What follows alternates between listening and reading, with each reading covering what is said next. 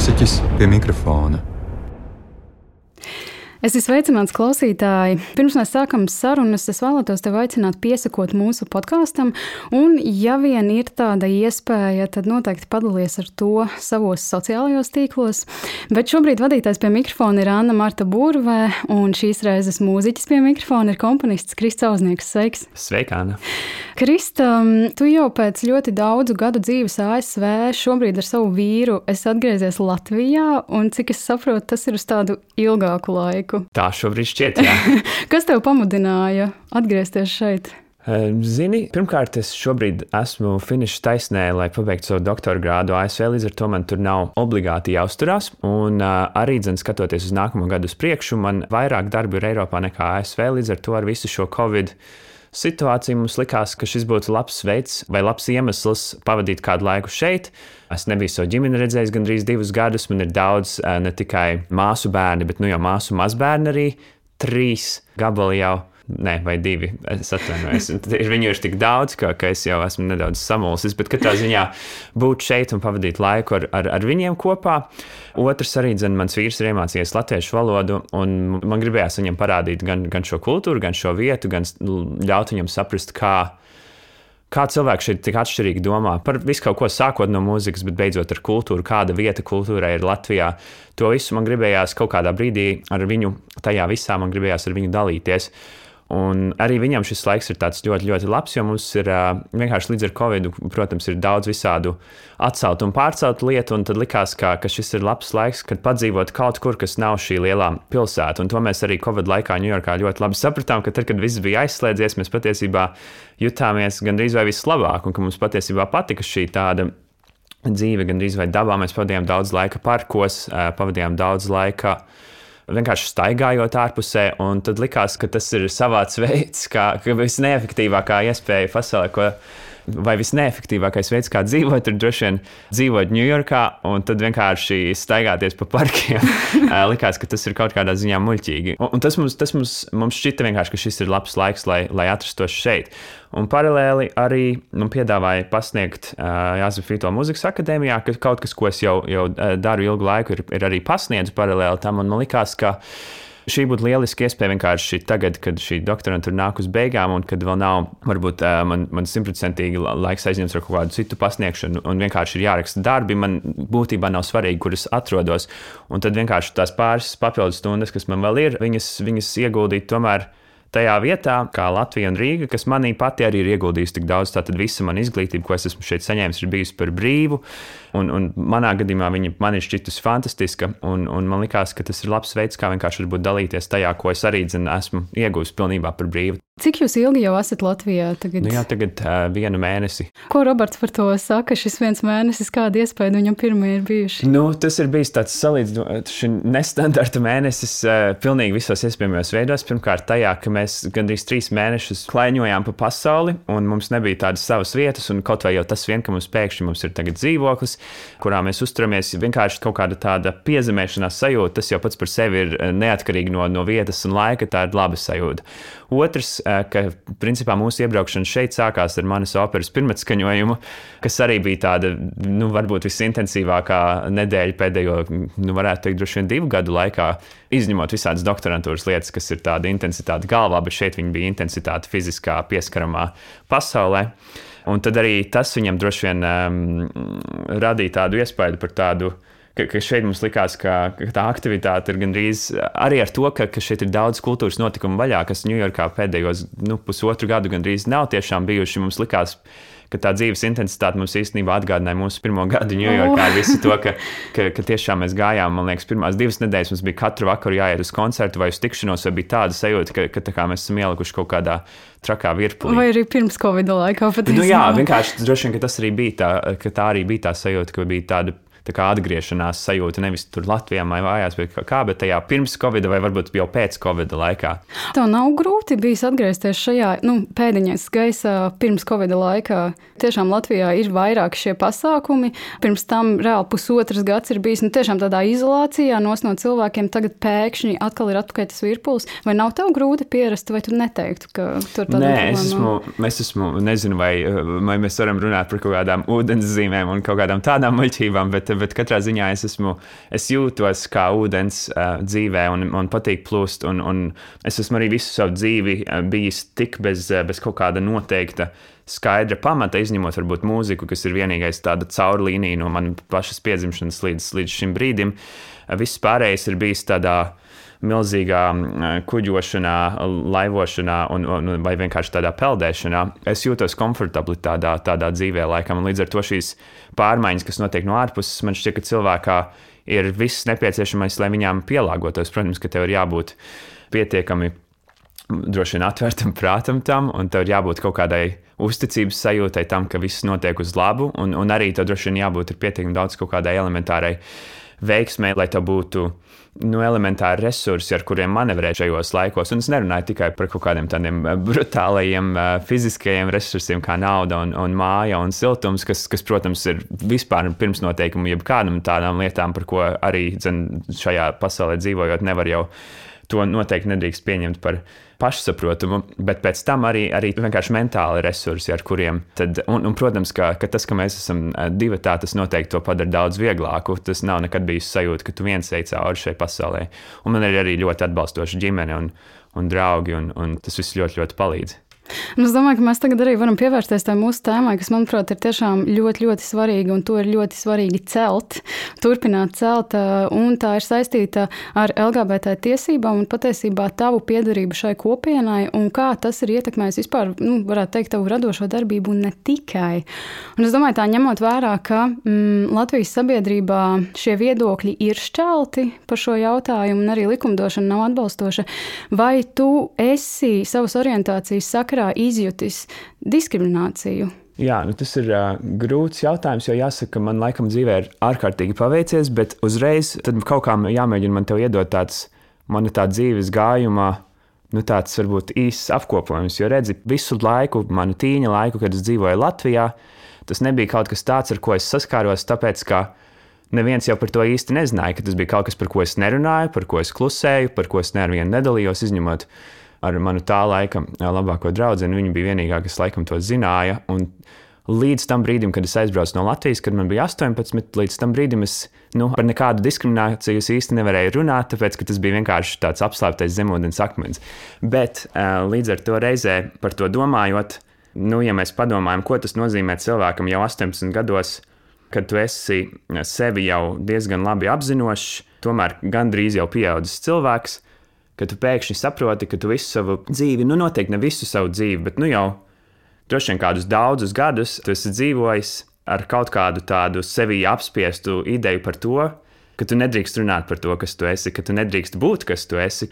Uh, nu, tam vispār nav vietas tavā zemapziņā. Un pat tad, kad nu, jau tagad, teiksim, desmit gadus es par to runāju brīvi, es par to jūtos brīvi, man ir arī bijis paveicies. Es dzīvoju divās, droši vien, visliberālākajās vietās pasaulē, Holandē un pēc tam Ņujorkā. Un Jēlas universitātē arī, protams, šī akadēmiskā vide ir arī vienmēr ārkārtīgi liberāla un atvērta. Šīs visas vidas man ļāva to ne tikai pieņemt, bet arī pārvarēt visu, kas ir pārvarams, jo tā, protams, ir nenormāla psiholoģiska trauma jebkuram cilvēkam. Un es joprojām līdz šai baltai dienai domāju, teiksim, Latvijas mēdīju vidē klausoties. Nu, simtiem cilvēku, kuriem es zinu, pieder šai kopienai, nekad par to nerunā. Un es domāju, kā tā var būt? Es tagad esmu kaut kāds viens pēkšņi drosmīgais, vai kā, bet tas ir pilnīgs muļķības. Es neesmu ne drosmīgs, nekā. Es vienkārši man ir nenormāli paveicies ar to, ka man ir bijusi iespēja atrast. Uh, Vietas pasaulē, kur mēs esam pārvarējuši šo problēmu, kur tā nav ne problēma. Par to vairs gandrīz vispār nav jārunā tādā vismaz elementārā līmenī. Tas ir kaut kas, kas jau pasaulē, vismaz rietumu pasaulē, ir, ir saprasts un ko, kas ir pēdējos 30 gadus. Līdz ar to, protams, es nevaru nevienam šeit esošam pārmest, uh, par to, ka viņi par to nerunā. Bet tāpat laikā man tas liekas ārkārtīgi, ārkārtīgi svarīgi. Un arī tur ir tāds mūžīgais ritenis. Mēs nerunājam tāpēc, ka mums ir bail, bet mums ir arī bail tāpēc, ka cilvēki par to nezina, un cilvēkiem ir bail tāpēc, ka viņi par to nezina. Bet es novirzījos no tēmas, tu man jautāji par diskrimināciju. Nu, jā, tā tad. Līdz 18 gadiem tātad par nekādu diskrimināciju, izņemot to kaut kādu sevis iekšējo diskrimināciju, nevarēja nevar runāt. Un tad tālāk, jau kad es aizbraucu uz Hāgu, tas bija mans tāds kaut kāds posms, kurā tad arī viss šis sāka vērties vaļā, jo, jo tur dzīvo vidē, kur tu redzi, ka tev ir tūkstošiem piemēru apkārt, kas ir ārkārtīgi svarīgi, jo tu saproti, ka tu neesi viens, tu saproti, ka tu nemaz neatšķiries tik ļoti no citiem cilvēkiem. Un es tajā laikā arī strādāju restorānā Holandē, un bosi, kuri mani pieņēma darbā, viņi bija precēts geju pāris, kas man droši vien bija ārkārtīgi, ārkārtīgi svarīgi. Vienkārši redzēt modeli, kurā tev var būt dzīve, tev var būt ģimene, tev var būt viss tas, ko tu jau sen izdomājis, ka to noteikti nevar būt. Jo tas ir nu, vienīgais piemērs dzīves, kurš tev bija pieejams, ir, ir 19. gadsimta mūzikas vēstures grāmatas, kuras tev stāsta par to, ka mākslinieks taču vienmēr ir tas lielais cietais. Tātad, un Latvijā, protams, šī romantiskā ideāla kultivēšana vēl joprojām nav, nav pārgājusi. Man liekas, ah, nu skaidrs, es vienkārši piedzimu šis nelaimīgais romantiskais mākslinieks, kam nekad nebūs dzīve, nebūs ģimenes, būšu vienkārši nelaimīgs, rakstīšu mūziku, tā ar visu tikšu galā. Un tas nav svarīgi, kā es jūtos, jo man vienīgā sūtība šeit uz zemes ir taisīt mūziku. Nu, tad tāds stāsts ir manī dziļi iekšā, un tad aizbraucot uz Holandi un redzot, ka ah, varbūt nav viss tik viennozīmīgi, un ka mana dzīve vēl nav beigusies, un ka viņā ir uh, iespējams darīt jebko citu, ko es gribu, tā skaitā mīlēt un būt kopā ar kādu citu cilvēku.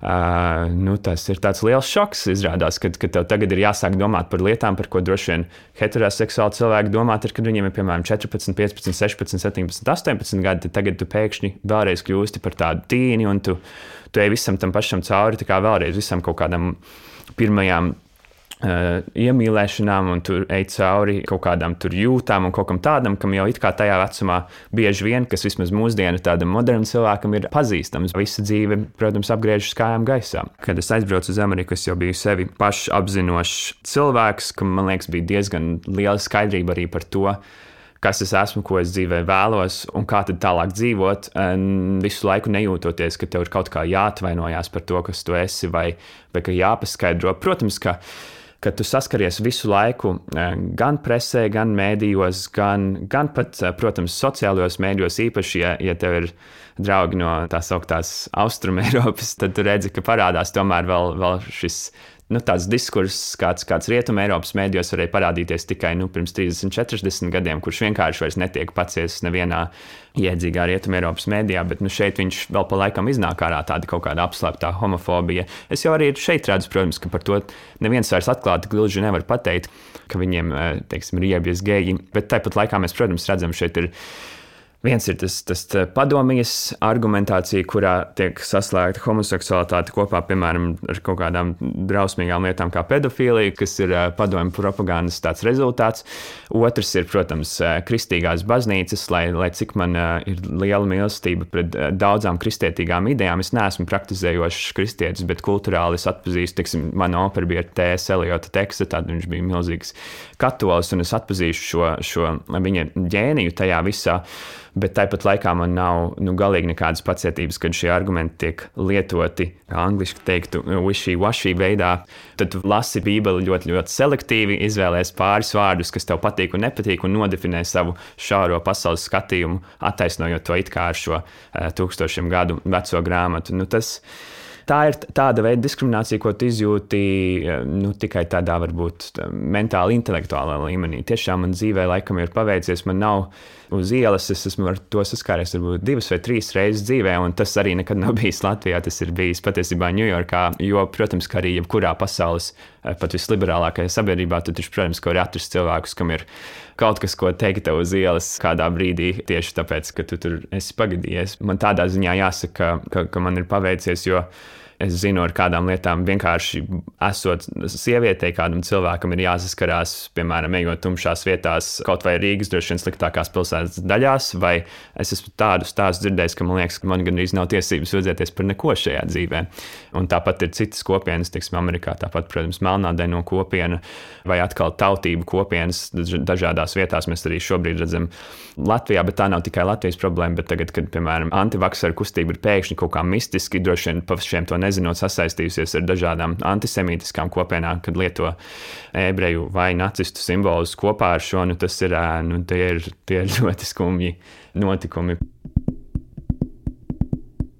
Klausoties tevis teiktajā, iedomājos arī mm, atcaucoties uz to pašu kaut kādiem tiem padomjas uh, uzskatiem, uh, ir jau arī tāda lieta, ka.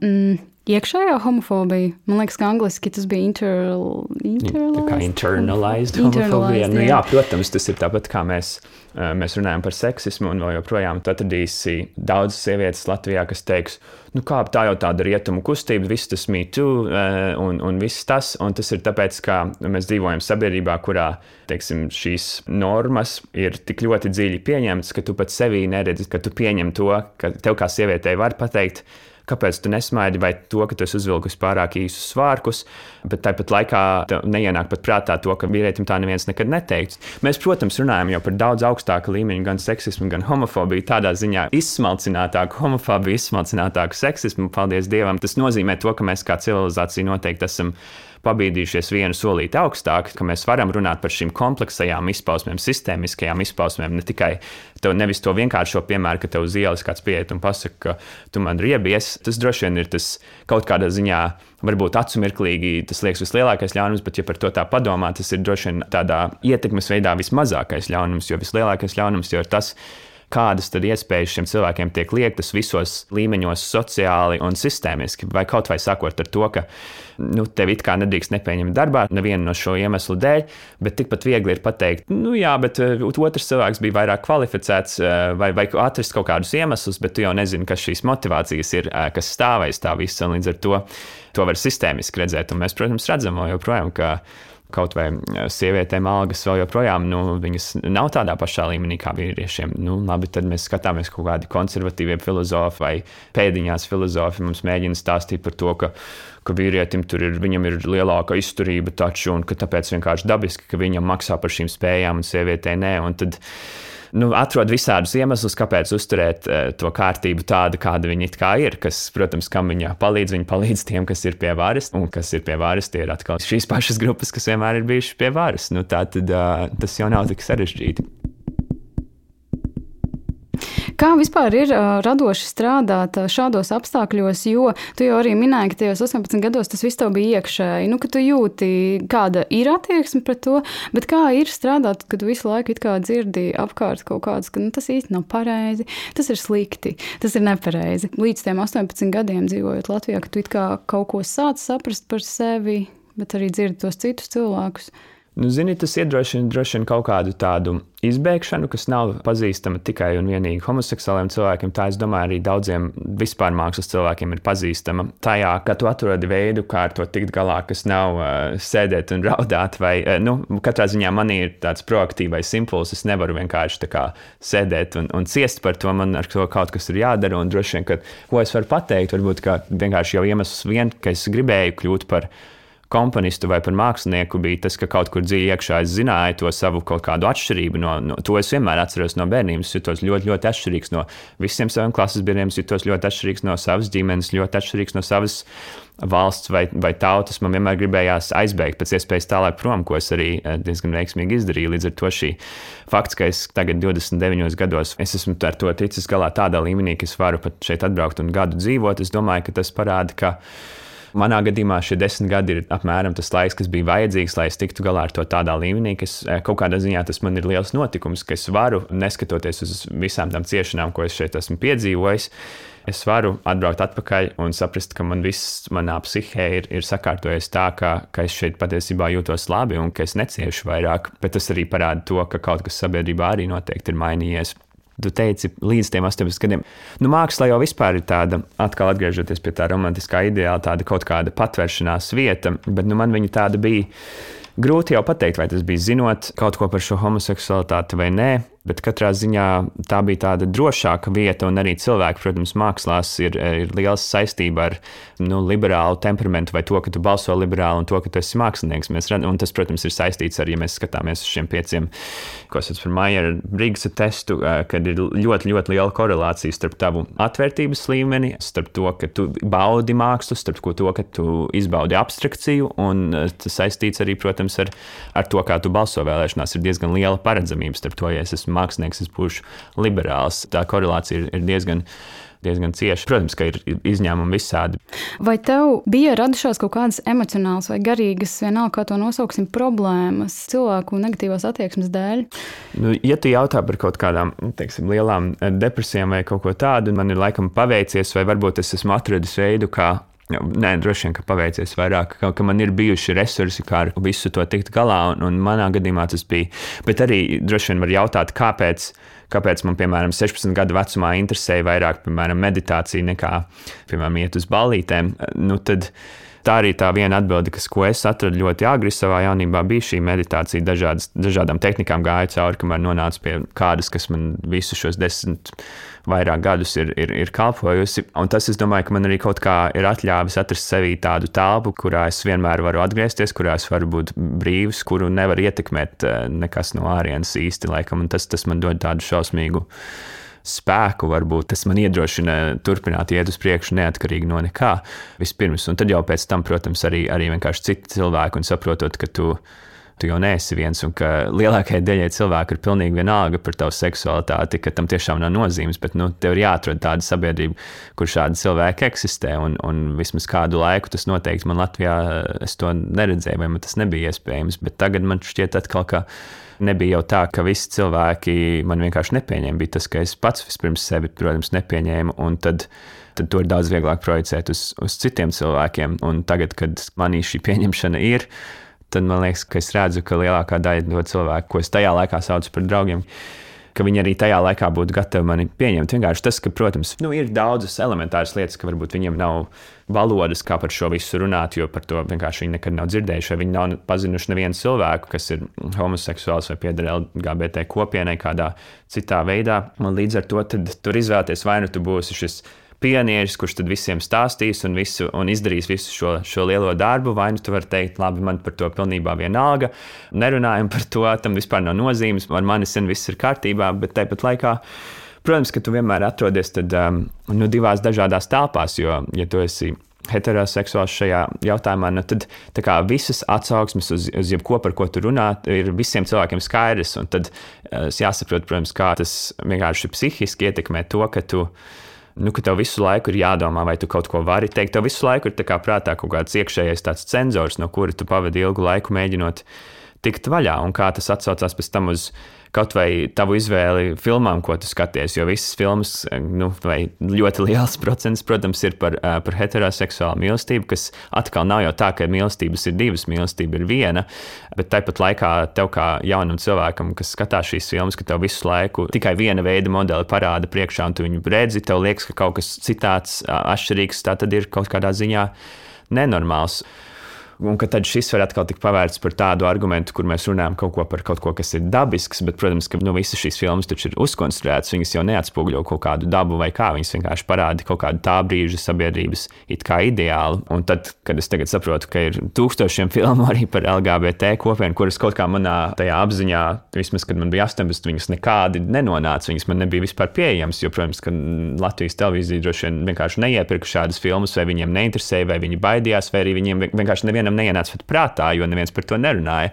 Šie resursi, kuros tu iemācies sabiedrību, tātad mēdīji, tagad arī sociālai mēdīji, māksla, filmas, ja tev nav pieejami šie alternatīvie modeļi, nu tad tev nav no kurienes tos iemācīties. Un tev nav arī neviens, kas norāda, kurus tiem doties. Un es domāju, ka šādi resursi ir ārkārtīgi, ārkārtīgi svarīgi. Protams, ka mums tagad ir internets arī manā jaunībā, un jaunībā, manā eh, nu, teiksim, tīņa gados jau bija šie resursi arī, bet tikai un vienīgi internetā, nevis jebkurā no citiem kanāliem. Līdz ar to arī tas bija kaut kāds tāds, tāds DIY uh, uh, veids, kā pie viņiem nokļūt. Un laikam droši vien es esmu ļoti pateicīgs, ka vismaz jau bija internets. Es nezinu, kā būtu uzaugt vēl 20 gadus agrāk, kad, kad pat tas viss nebūtu. Droši vien, ka mēs nebūtu nekur, kur mēs atrodamies eh, šādā sociālā veidā, ja mums nebūtu nebūtu iespējams redzēt to, ko dara cilvēki Ņujorkā, vai Tokijā, vai, vai, vai Parīzē. Tā kā, tādā ziņā arī man liekas, ka, ka vienkārši šis laiks pienācis, kurā.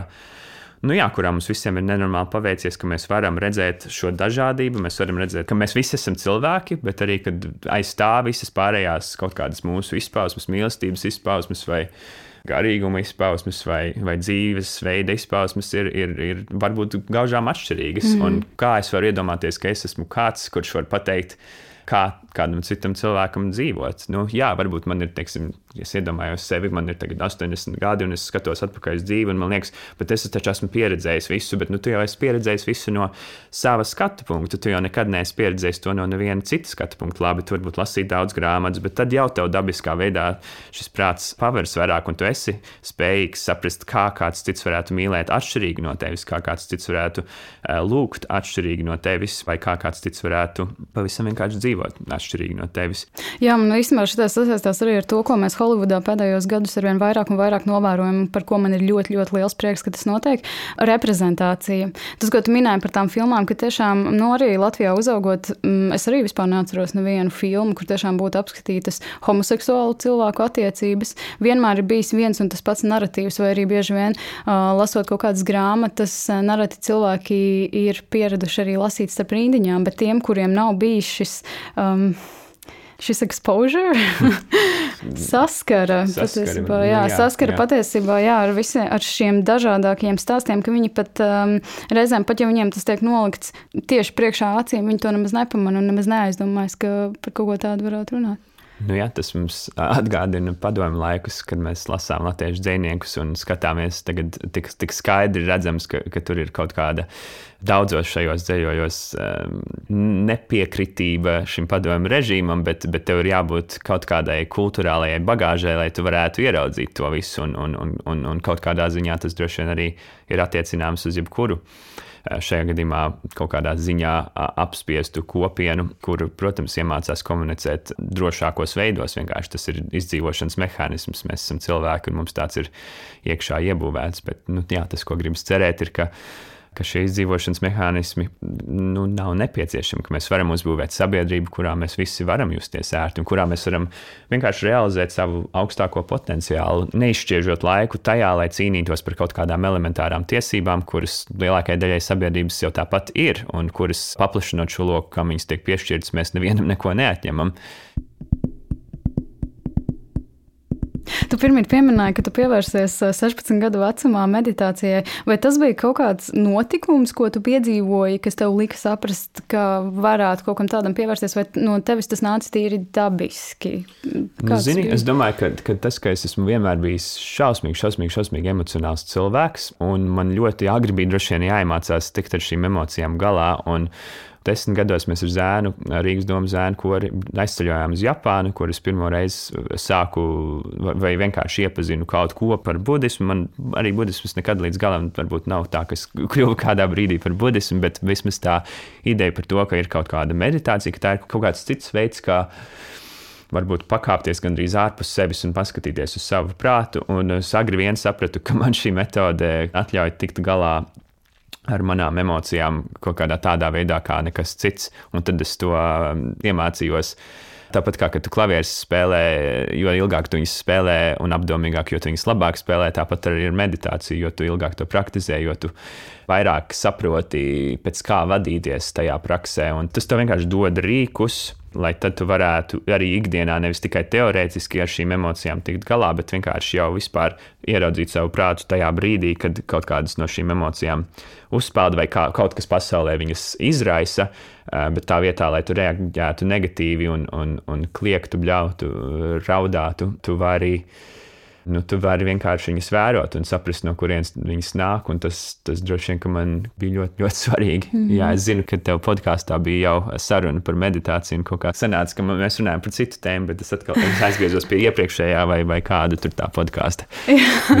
bet tas jau īstenībā lielā mērā ļoti daudz kas ir saistīts. Mēs bieži vien runājam par vienu un to pašu kaut kādu tādu lielo, lielo lietu. To tiešām arī šī podkāstu laikā es esmu atklājusi priekš sevis, ka mēs jau mm, cilvēci ejam cauri ļoti, ļoti līdzīgām lietām, bet tās kaut kādi izpausmes veidi, vai tas, kā mēs par to runājam, vai tas, kā mēs to redzam, vai īstenībā pats svarīgākais, kā mēs to noformulējam, bieži vien ir citādāk. Un vienam dar tāda formu, formulācija, citam tāda. -hmm. Tu pieminēji sarunas sākumā kaut kad, kad um, mēs par diskrimināciju runājām, ka tev varbūt uz Ņujorkas ielām vienu vai divas reizes ir sanācis nu, sastapties ar to. Vai tu varētu padalīties ar šo pieredzi, kā tas notika, nu, lai vienkārši Nu, jā, jā, vērst, arī, arī tas nebija nekad nekas, nekas briesmīgs. Tas bija vienreiz, tas bija Mēs staigājām ar Robertu Ņujorkā, mēs vienmēr staigājām rokās Rīgā. Mēs to nedarām vēl joprojām. Arī tas jums parāda tomēr kaut kādu, mēs vairākas reizes to esam darījuši, bet tā sajūta nav tomēr,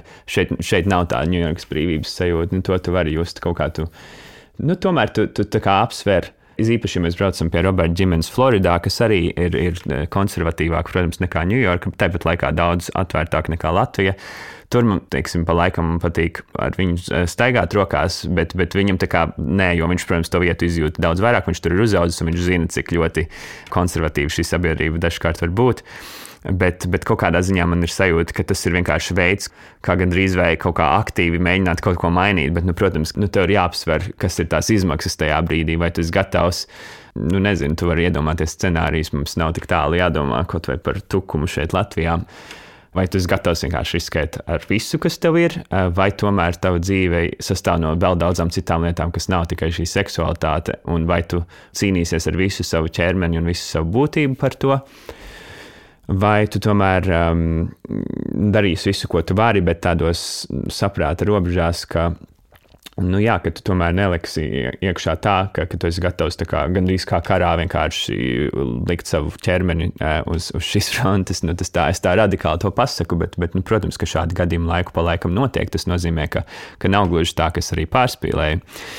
Līdz ar to nu jā, šeit mēs esam tomēr nedaudz piesardzīgāki ar visu to, ka man gribētos, lai tā nav. Bet, Nu jā, tu, tu jau uzticies savai intuīcijai. Protams, ir kaut kādas arī elementāras traumas. Vienkārši, nu, vienkārši tā, ka tu zini, ka šī sabiedrība bija arī tā, kur tevi nezinu, cik apzināti, bet apspieda un neļāva tev uzziedēt savā, savā pilnībā.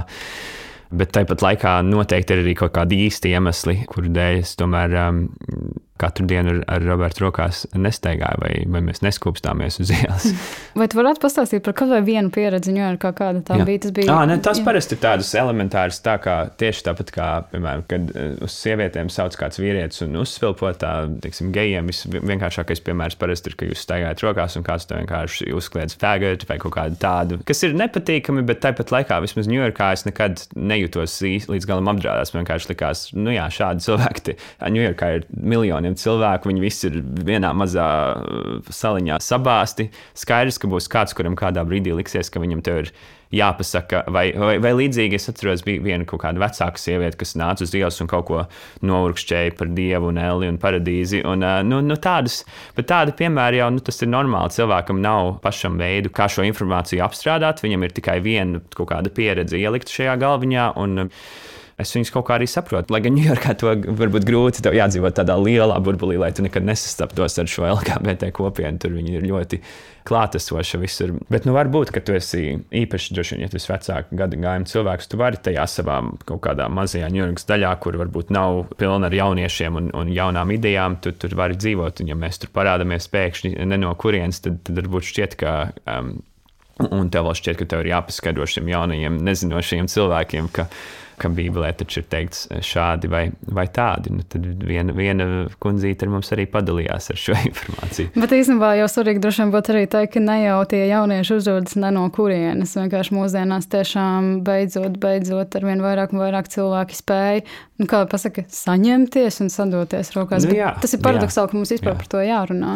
Nu, jā, bet tā jau tā tas ir ja mēs skatāmies, kā tas ir noticis Rietumēropā, tas notiek tieši šādi. Tas ir pakāpenisks ceļš tajā, ka, ka mums ir kaut kāda redzamība, mums teiksim, ir. Kevičs šajā gadījumā šeit ir kaut kāds viens redzams politiķis, tagad mums ir um, Golubeva, arī vēl viens redzams politiķis. Mums ir kādas streips, nekad nav par to baidies runāt, bet arī nav tā, ka, nu, teiksim, ir, ir, ir jābūt kaut kādai sajūtai, ka teiksim, šie cilvēki nav kaut kāda izņēmuma, kur mums ā, viens ir, bet nu, labi, kāda starpība viņi tur labi, mēs vienkārši aizmirsīsim par to. Bet lai cilvēki saprot, ka nu, es esmu dažādas statistikas redzējis dažādās sabiedrībās, bet, bet parasti kaut kur starp 5 un 10 procentiem ir tie skaidri, ko es redzu citās sabiedrībās. Nu, tad Latvijā, protams, šobrīd nav sajūta, ka, ka tev 5 līdz 10 procenti cilvēku par to runā, bet tad iedomājamies, pat ja kaut kādu iemeslu pēc mums ir daudz mazāka šī kopiena, kas tā absolūti var būt vienalga, cik padomā vienkārši cik tu cilvēkus pazīsti, kuri par to runā, cik tu cilvēkus pazīsti, kas varbūt uzzina, ka tādi ir. Un tad vēl tad noteikti jāpieliek šim ir, ir vēl vesela virkne cilvēkiem, kas vienkārši par to nerunā vai izvēlas nerunāt. Tas nozīmē, ka mēs aktīvi kā sabiedrība kultivējam kaut kādu šādu burbuli, kurā mēs neļaujam cilvēkiem realizēt to savu potenciālu. Jo, protams, tas ir saistīts tikai un vienīgi ar potenciālu realizēšanu. Ja tev ir jādomā visu laiku par šīm pārējām lietām, tas prasa tik daudz enerģijas, tas prasa emocionālos resursus. Tur jābūt ļoti, ļoti spēcīgam, tur jābūt ļoti lielam kaut kādam iekšējam spēkam, lai visu laiku ietu pret šo straumi. Kādā ziņā manā gadījumā, tad, kad es tam visu tiku pāri, es noteikti arī kā komponists kļuvu visos iespējamos veidos labāks. Kaut vai tāpēc, ka man bija vairāk galvā telpas, lai domātu par kompozīciju, nevis par manu kaut kādu identitāti. Otrs, man bija arī tādā psihoterapijas līmenī, ka tev nobrūk kaut kādi šie bloki, tu arī piekļūsi daudz lielākam radošumam, tu piekļūsi, tev nav tā kā visu laiku eh, jācīnās ar kaut kādiem šiem demoniem. Tad iedomājieties, kā sabiedrība varētu iegūt no tā, ka katram cilvēkam, kurš identificējas kā LGBT kopienas pārstāvis, ka ja mēs viņiem ļautu tiešām vienkārši piederēt šai kopienai, nevis nosodītu viņus par to, tad tas potenciāls droši vien arī valstī, ja mēs gribam šādos terminos domāt, būtu milzīgs. Un mēs arī redzam, ka pasaulē ir korelācija arī starp iekļaujošu sabiedrību un bagātu un tādu nu, flourishing, tādu ziedošu sabiedrību. Eh, sabiedrību, kam labi veicas gan monetārā, gan ekonomiskā līmenī, ja tas ir kas mūs interesē, gan arī vienkārši sabiedrības laimes indeksa līmenī.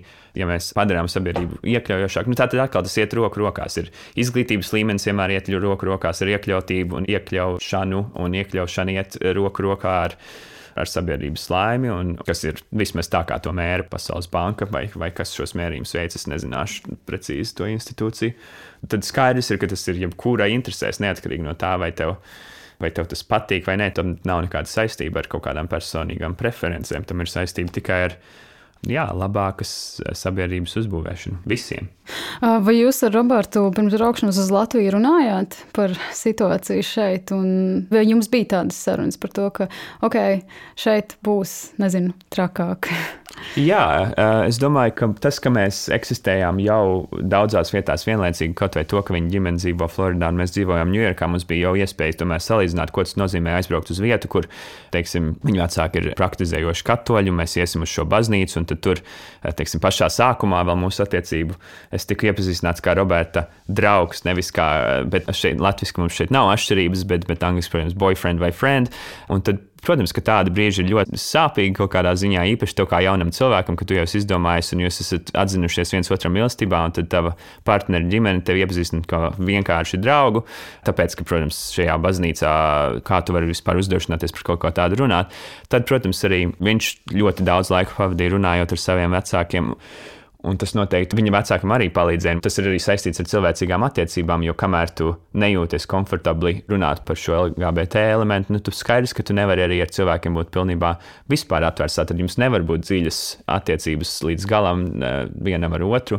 Un es nerunāju tikai par mani, Robertu, bet arī teiksim, ar viņu ģimeni, kamēr eh, mēs neesam sapratuši, ko tas mums katram nozīmē. Es varu saprast, ka tas prasa laiku, īpaši cilvēkiem, kas ar to nav saskārušies ikdienā, un Roberta ģimene ir ļoti, ļoti iekļaujoša, bet arī viņiem vienkārši tīri praktiski droši vien nebija skaidrs, ko nozīmē pateikt kaut kādus vārdus, kas viņiem gluži neko nenozīmē, un izrādās, ka mums tas nozīmē tik šausmīgi daudz, vai tāpat ar manu ģimeni, ka, un ar Robertu vispār sākās tas, kas arī pirms pieciem gadiem, kā to sauc, iznāca no, iznāca no skapja savai ģimenei, kas man bija viegli izdarāms, tāpēc, ka es biju otrā kontinentā, Ņujorkā, un tad, tas, tad es to viņiem visiem pateicu, un arī man ģimene bija ļoti, ļoti pieņemoša un iekļaujoša un saprotoša. Tādā ziņā atkal man ir man ir sajūta, ka man ir paveicies, bet arī, protams, ar viņiem man ir bijušas kaut kādas sarunas par to, ka viņi, viņi arī vienmēr baidījās, ka es vispār par to runāju Latvijā, jo viņiem likās, ka šī ir konservatīva sabiedrība un tā. Bet, Nu, jā, viņi ir konservatīva sabiedrība, bet nu, viņi jau nemainīsies, ja, ja kāds par to nerunās. Un tad, ja vienīgais, ko es varu izdarīt, ir runāt, man runāt patīk, kā jūs varat redzēt. Es,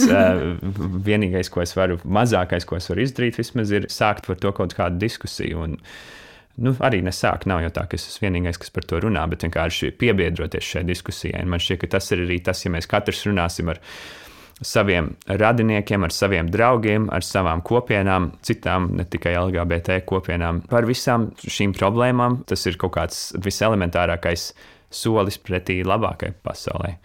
Vai šobrīd arī dzīvojot jau mēnesi Latvijā, tev ir mācības bažas, tev ir kaut kādas arī varbūt bailes par to visu, vai tu tādā līmenī nemaz par to nedomā, tu vienkārši dzīvo? Nu, ja tu dzīvo bailēs, tad jau kāda jēga dzīvot. Nu, tie, bet nu, tas ir, to tu arī, tev ir jābūt kaut kādā privileģētā pozīcijā, lai tu to varētu pateikt.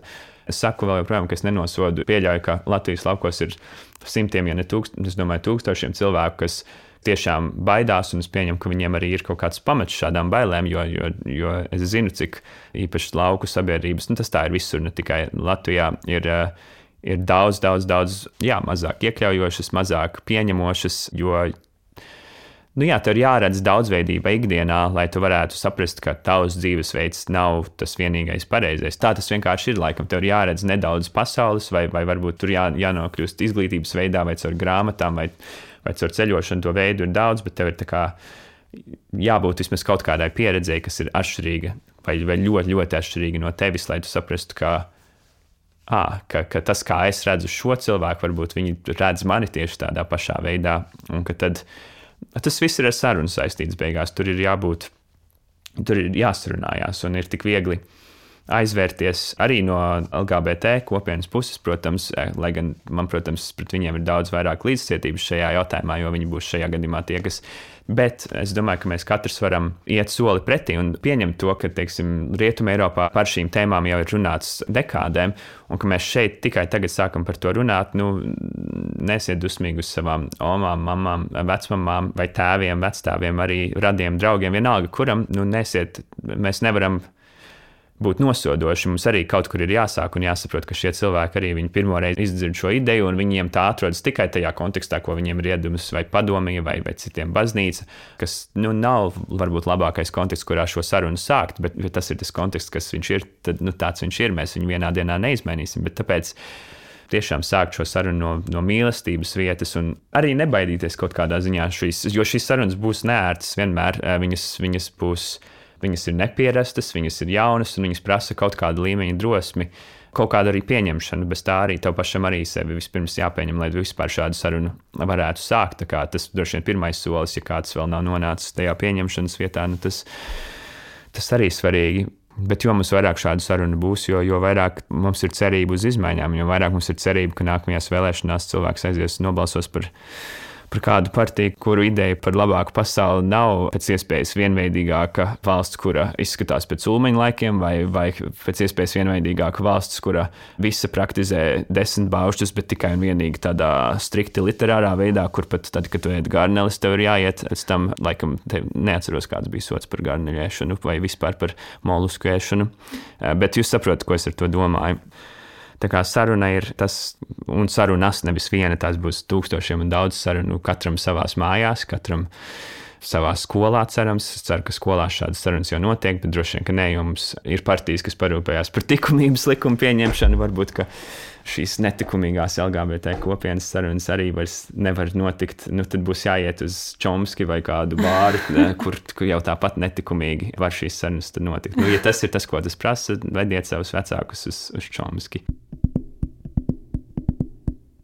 Tu jau minēji par to, ka tev tiešām ir paveicies, tīpaši dzīvojot šos daudzos gadus Ņujorkā, bet uh, es arī domāju par to, ka tu ļoti daudz esi arī sadarbojies uh, ar latviešu mūziķiem, uh, daudzas, kas arī šeit ir pirmskaņots. Kā tu aprakstītu, cik iekļaujoši ir mūziķu vide vai vispār īstenībā radošā vide šeit?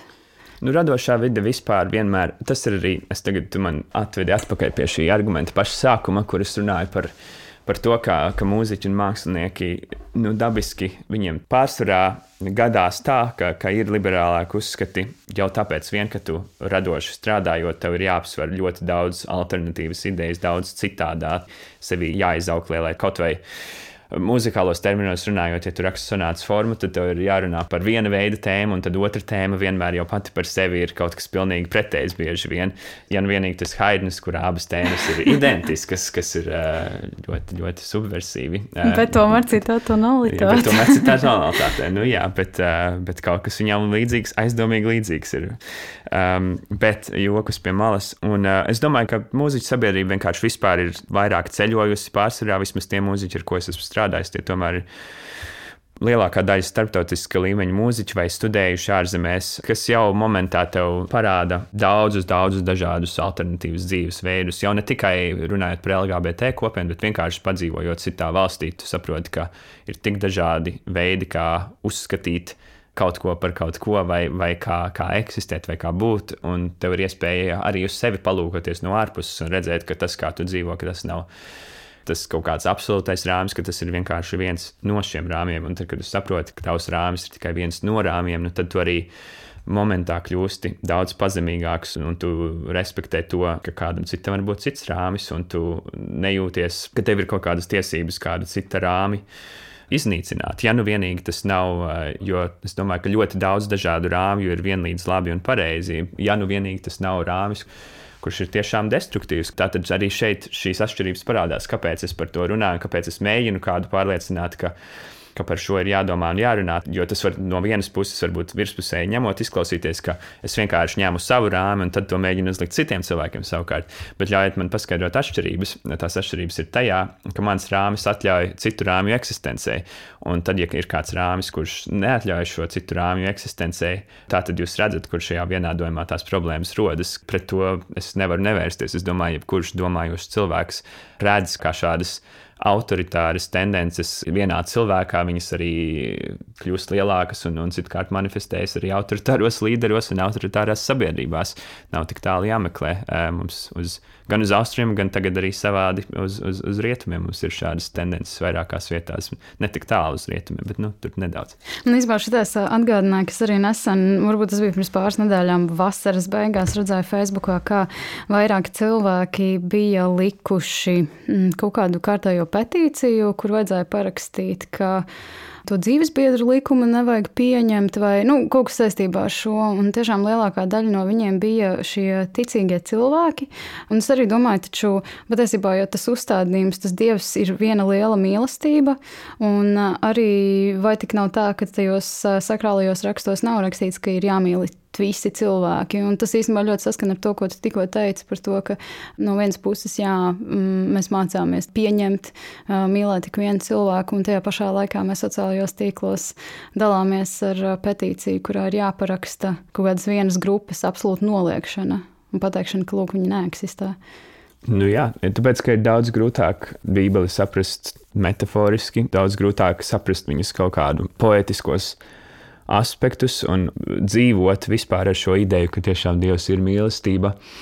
To tiešām manifestējot ikdienā ir daudz grūtāk nekā atļaut vienkārši savai, savai šaurajai eksistencei, nemīlošajai eksistencei. Ir taču daudz vieglāk paņemt šos rakstus un pielāgot viņus savam dzīvesveidam, nevis mēģināt viņus izprast patiešām un redzēt to, ka viņi tevi aicina domāt par citiem, domāt par savu kaimiņu un mīlēt viņu pašam kā sevi. Un pagriezt otru vaigu, tad, kad tev eh, sit pa pirmo, vai pēc tam varbūt reizē.